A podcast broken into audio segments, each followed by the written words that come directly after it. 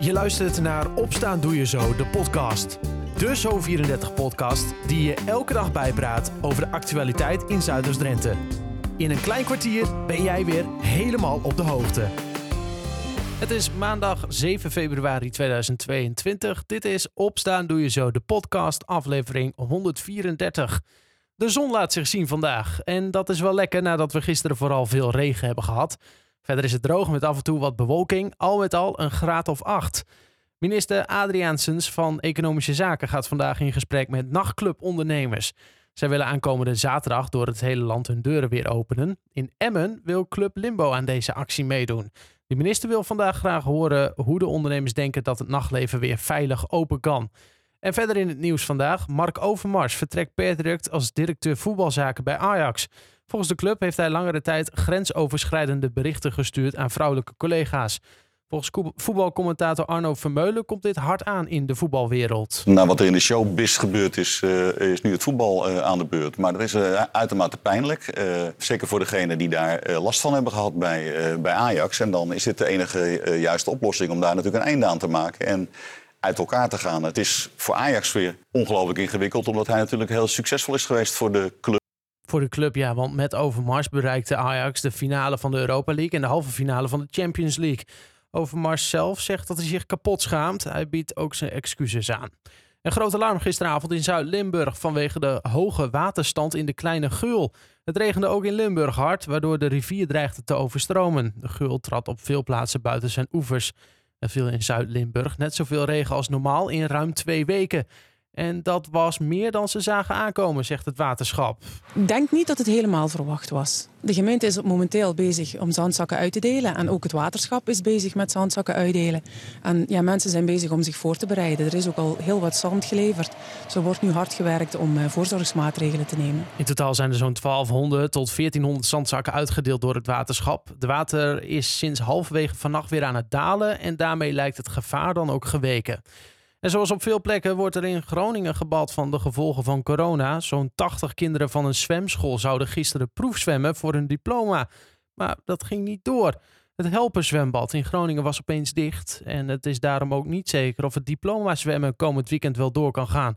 Veel medewerkers van het zwembad hebben corona of zitten in quarantaine. Zwemjuf Dorien de Koning baalt. Als iemand corona heeft, dan weet je dat hij na een week weer mag werken. En ik ga er eigenlijk vanuit dat het dan gewoon doorgaat. En de kinderen moeten dan deze keer maar in één keer proberen te halen. Ja, het is extra balen omdat de gemeente Groningen net het personeelstekort bij de zwembaden had opgelost. En dit is het laatste nieuws uit Zuidoost-Drenthe. Een van de bestuurders die gisteravond betrokken was bij een ongeluk op de A28 bij knooppunt Hogeveen is aangehouden. De 39-jarige man uit Emmen-Compascum wordt ervan verdacht dat hij reed onder invloed van drank of drugs. Rond half tien botsten op de afslag richting Emmen twee auto's op elkaar. Hoe dat precies kon gebeuren wordt nog onderzocht. Een 25-jarige vrouw uit de gemeente A en Hunze is daarbij gewond naar een ziekenhuis gebracht. De man uit Emmen moest worden gecontroleerd in een ambulance en werd daarna opgepakt. De oprit van de rondweg in Emmen bij Barger Oosterveld was gisteravond afgesloten vanwege te veel water op de weg. Het water is geprobeerd weg te pompen zodat de weg weer begaanbaar werd voor verkeer. De vele regen van gisteren is waarschijnlijk de oorzaak geweest van de overlast. En handbal dan. Eredivisionist ENO heeft na de nederlaag van een week geleden opnieuw aan het kortste eind getrokken. In Emmen ging BHC Hercules met de zegen aan de hal. Het werd 23-28. Bij 8-14 zocht ENO de kleedkamer op. Na de pauze bleven de bezoekers uit Den Haag aan de goede kant van de score. Door de nederlaag zakt ENO nu naar plaats 6 en moet het waken voor een verdere val in het linker rijtje. Een ander handbalnieuws. Hurry Up heeft voor de tweede keer op rij punten in België opgepikt. In de League wist de formatie van Joop Viegen met 22-31 van Initia Hassel te winnen. Na een half uur spelen had Hurry Up al een gaatje van zes doelpunten geslagen. Door de overtuigende zegen blijft Hurry Up in het linker rijtje van de League. Over een week komen de Zwarte Meerders opnieuw in actie bij de Zuidenburen. Dan is titelhouder Achilles Bocholt de tegenstander van Hurry Up. En een vrouw is in de Emmenwijk Angerslo op straat beroofd van haar telefoon. Dat meldt de politie Emmen op Facebook. De vrouw ging vrijdagmiddag om drie uur naar een adres aan de Tammingerkamp voor de verkoop van de telefoon. Maar op het adres waar ze dachten hebben afgesproken met de potentiële koper, wisten de bewoners van niks. Op het moment dat ze wegliep van het huis werd ze aangesproken door twee jongens van rond de 16 jaar. Zij zeiden dat de vrouw de afspraak met hen had en wilde de telefoon graag bekijken. Toen een van hen de telefoon in handen had, renden de twee hard weg. De vrouw heeft de politie gebeld. Die is op zoek naar getuigen en camerabeelden om de daders te kunnen vinden.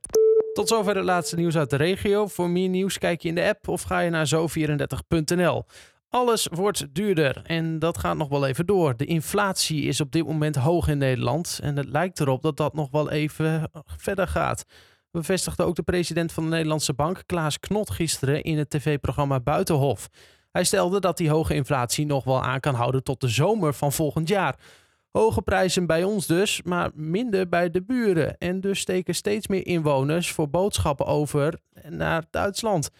Collega Vera Beuken nam een kijkje in Emlichheim, vlakbij Koevoorde. Ja, we krijgen heel veel bezoek hier in Emlichheim van onze Nederlandse buren. Uh, hoofdzakelijk uh, komen ze hier tanken en gaan het combineren met uh, boodschappen doen.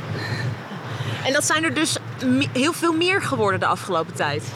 Ja, het valt wel op dat er echt heel veel meer Nederlanders nu hier bij ons boodschappen doen.